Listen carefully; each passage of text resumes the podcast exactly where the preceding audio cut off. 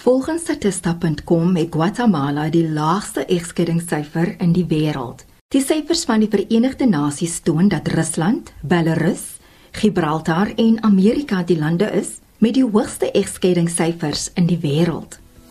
Ek is Olivia Sambo en dis Rand en Sent op RSG 100 tot 104 FM. Goeiemiddag.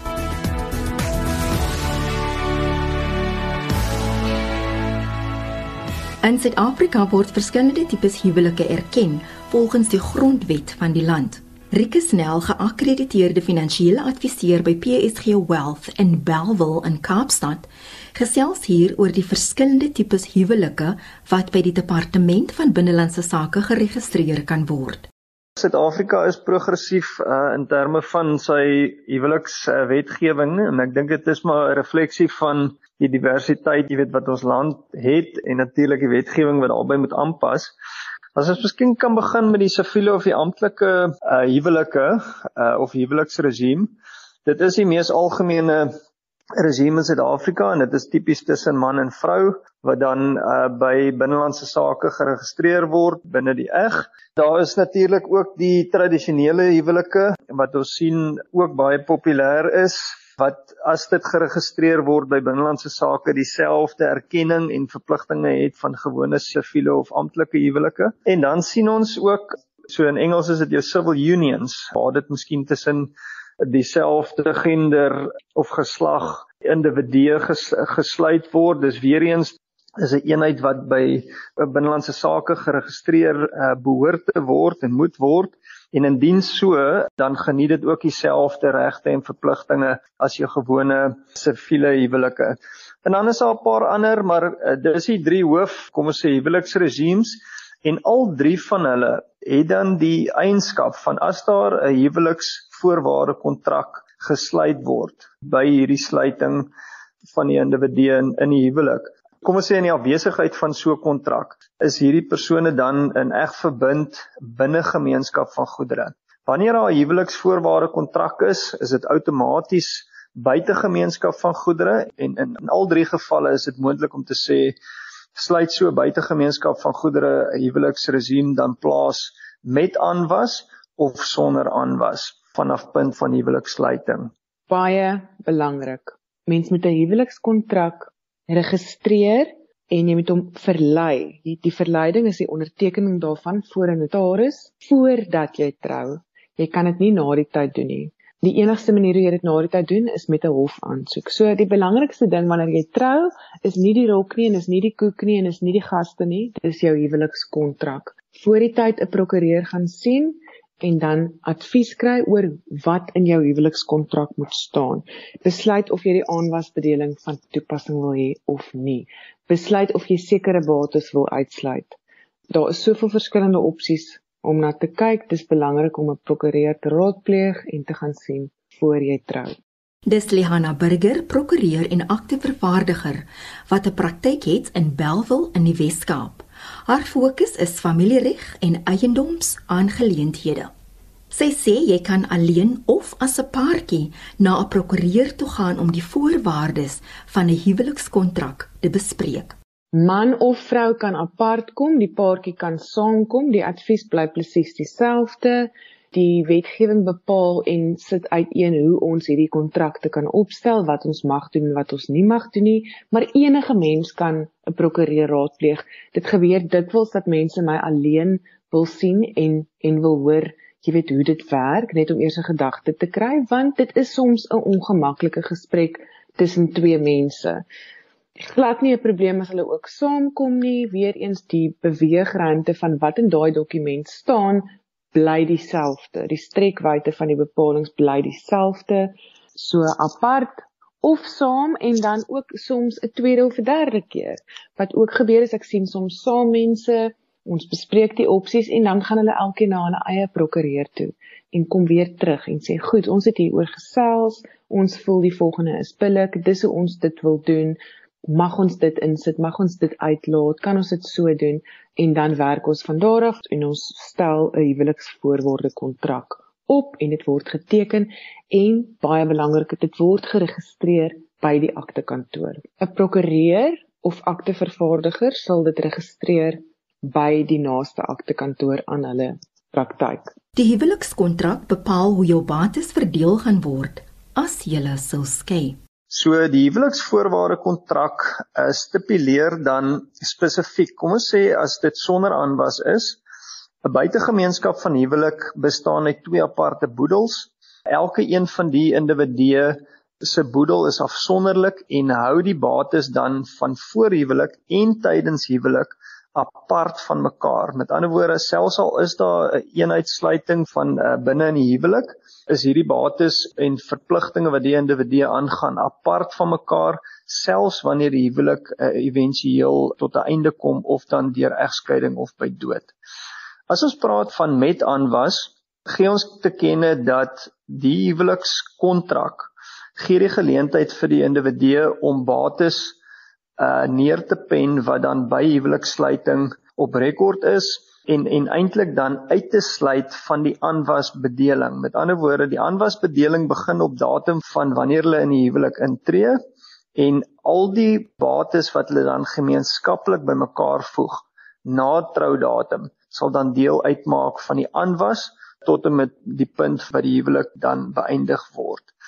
En hierdie aanwas word tipies by so beëindiging van 'n huwelik word dan op 'n manier die aanvangsbates wat ingebring is in die huwelik word ingesluit as 'n beginwaarde. Die totale aanwas word dan so bymekaar gevoeg. Die aanwas word letterlik in die helfte gesny dat daar nie een van die partye bevoor of benadeel word nie. Dit is die belangrikste dokument en dit sal bepaal hoe enige verdeling van bates gaan geskied. Dit het niks te doen met onderhoud byvoorbeeld nie of rehabiliterende onderhoud nie of onderhoud wat jy vir jou eggenoot sal betaal nie as dit van toepassing is nie. Dit gaan net oor die bateverdeling, oor wie het wat bymekaar gemaak en hoe moet dit verdeel word indien dit verdeel moet word. So weer eens Dit gaan ook oor die aanwasbedeling. As jy die aanwasbedeling van toepassing maak op jou huwelik, dan gaan jy moet deel in die groei van jou boedel. Indien die aanwasbedeling nie van toepassing is nie en jy dit spesifiek uitsluit in jou huwelikskontrak, gaan jy nie hoef te deel wat jy bymekaar gemaak het in jou persoonlike naam wanneer jy skei nie. Maar wat is die aanwasbedeling? Die aanwasbedeling verwys na groei. Vanaf daardie van byvoorbeeld dood of egskeiding, enige statusverandering. Dit verwys na wat jy bymekaar gemaak het en wat jy bygekry het vanaf datum van huwelik tot en met daardie verdere gebeurtenis. Wat is die implikasies vir jou as jy nie 'n huwelikskontrak het wanneer jy trou nie? Olivia, dit gebeur dikwels met egskeidings dat mense binne gemeenskap van goed is. As jy nie daai huwelikskontrak geregistreer het nie, is jy outomaties binne gemeenskap van goed. Dit beteken in die oë van die reg is jy soos een mens. Jy sal alles deel, al die skuld en ook al die bates. Dis 'n slegte posisie om in te wees vir beide partye. Dis nooit goed nie. Maar 'n huwelikskontrak klink so saaklik, onpersoonlik en onromanties. Beteken dit nou dat jou toekomstige aan jou liefde twyfel en dink dat julle uiteindelik tog gaan skei?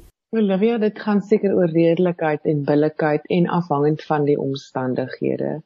As jy byvoorbeeld 'n paartjie het wat 'n tweede keer trou of selfs 'n derde keer trou en jy weet nie meer 25, 30 of 35 jaar oud is nie, maar 55 jaar oud is of 60 jaar oud is, gaan die advies aan hulle anders lyk like as 'n jong paartjie wat vir die eerste keer die knoop deurhaak.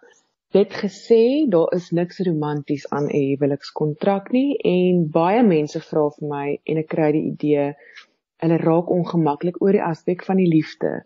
Hy is nie lief vir my nie want hy wil nie met die aanwasbedeling trou nie of hy is nie lief vir my nie want hy sluit sy besighede uit of hy is nie lief vir my nie want dit lyk nie asof hy glo ons gaan die huwelik kan laat werk nie want ons berei dan nou voor vir 'n egskeiding.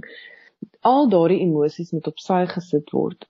Hierdie dokument berei voor vir iets wat waarskynlik kan gebeur. Die statistieke sê vir ons 1 uit 2 huwelike op die oomblik eindig in egskeiding. Dit was 'n ruk terug nog 2 uit 3 wat nie skei nie en 1 uit 3, maar die kanse vir egskeiding is baie goed vir almal. Daarom doen jy 'n huwelikskontrak en dit sal slegs relevant raak wanneer daai proses eendag begin. So as jy gelukkig getroud is en ons baie liefde en ons nie probleme nie, dan haal jy amper nie hierdie dokument uit nie.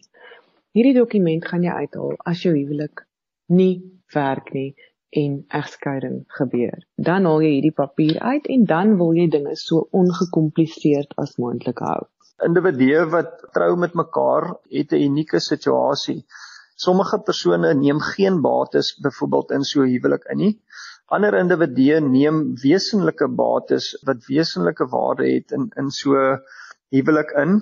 Dit is onmoontlik om dieselfde uitkyk te hê en dieselfde denke te hê oor die verskillende uh, um situasies of scenario's. So ek dink dit gaan oor watse beskerming soek individue, uh watse verpligtinge en voordele natuurlik individue voorsoek by by 'n punt van egskeiding is dit is dit 'n geval dat een van die individue nie die vermoë gaan hê om bates te akkumuleer tydens so huwelik nie, dan is dit dalk nodig om uh, binne gemeenskap van goedere huweliks 'n uh, regime te oorweeg of dan 'n buitegemeenskap met aanwas. So ek ek dink dit gaan oor elke persoon se individuele situasie en te sê maar watse beskerming soek ons en dan met die wete ook daai keuse vir die ander gade watse verpligtinge dit meebring wanneer die die huwelik dan uh, tot 'n einde kom. Dit was Rike Snell van PSG Wealth en Lihanna Burger van Burger Potgieter Prokureurs. Niemand trou om te skei nie. Maar volgens Statistiek Suid-Afrika eindig 4 uit elke huwelike voor 10 jaar. Die meeste egskeidings vind plaas in die periode vanaf 5 tot 9 jaar.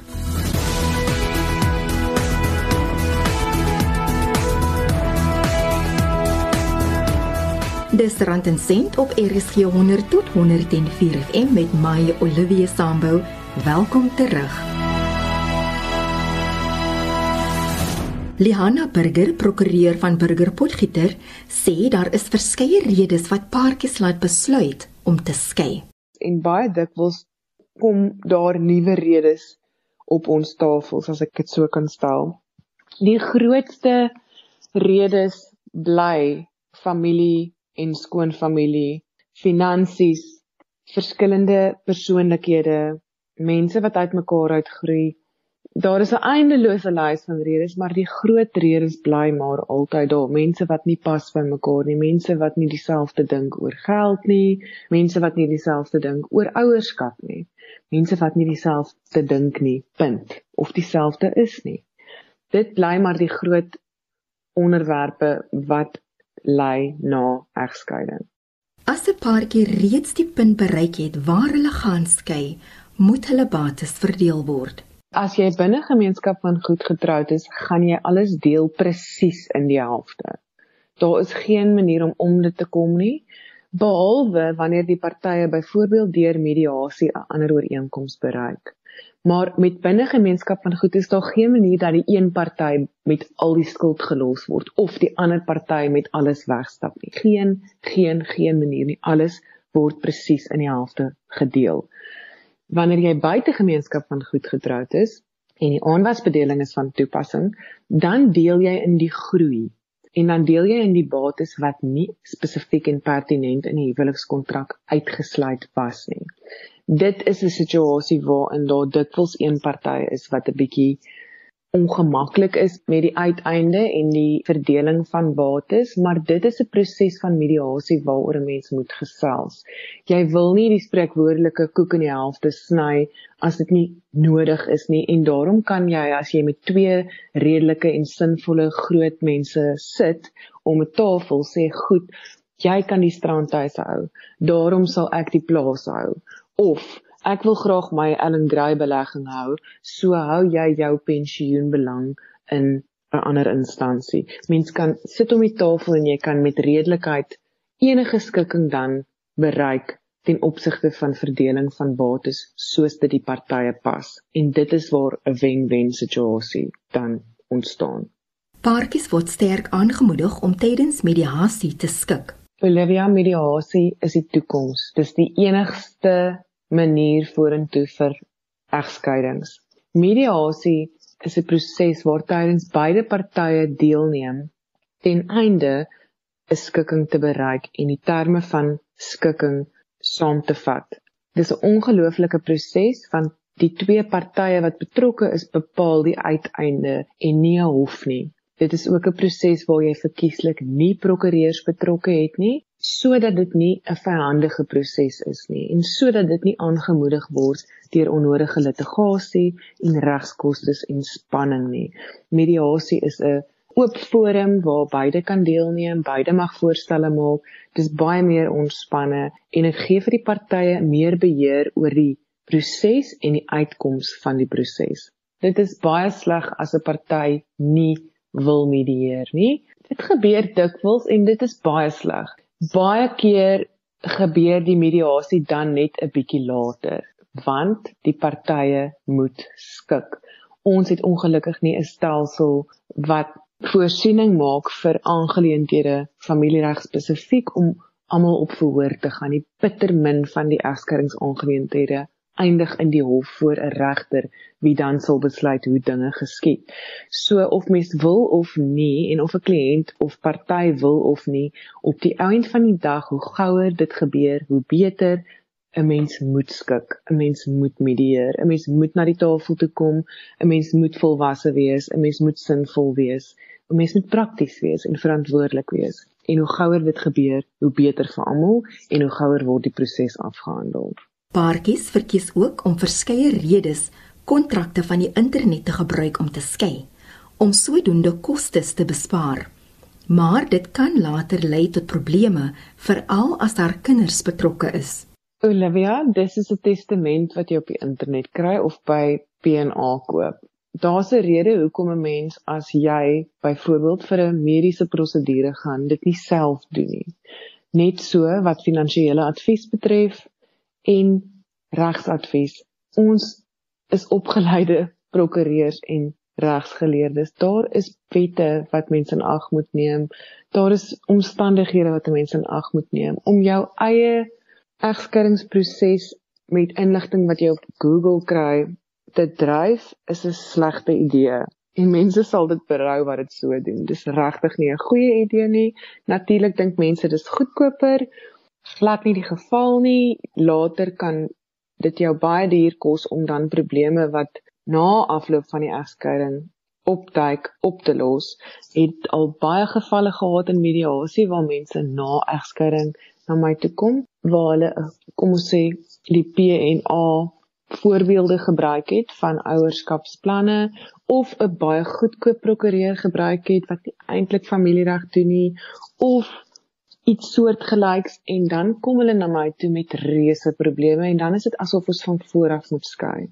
So daar is baie waarde daarin om van die begin af gekwalifiseerde en opgeleide ervare prokureur te gebruik in die veld wat jy die prokureur voor nodig het wie jou deur die hele proses neem sodat jy 'n ordentlike skikking het en 'n deeglike ouerskapsplan wat deurdink is en waar jy advies gekry het soos nodig sodat dit weer eens in die beste belang van die kinders is, maar ook sodat die partye nie na afloop van die egskeiding weer moet beklei nie of weer moet medieer nie. Mens wil die kontak na afloop van die egskeiding so min as moontlik hou sodat die mense kan aangaan met hulle lewens.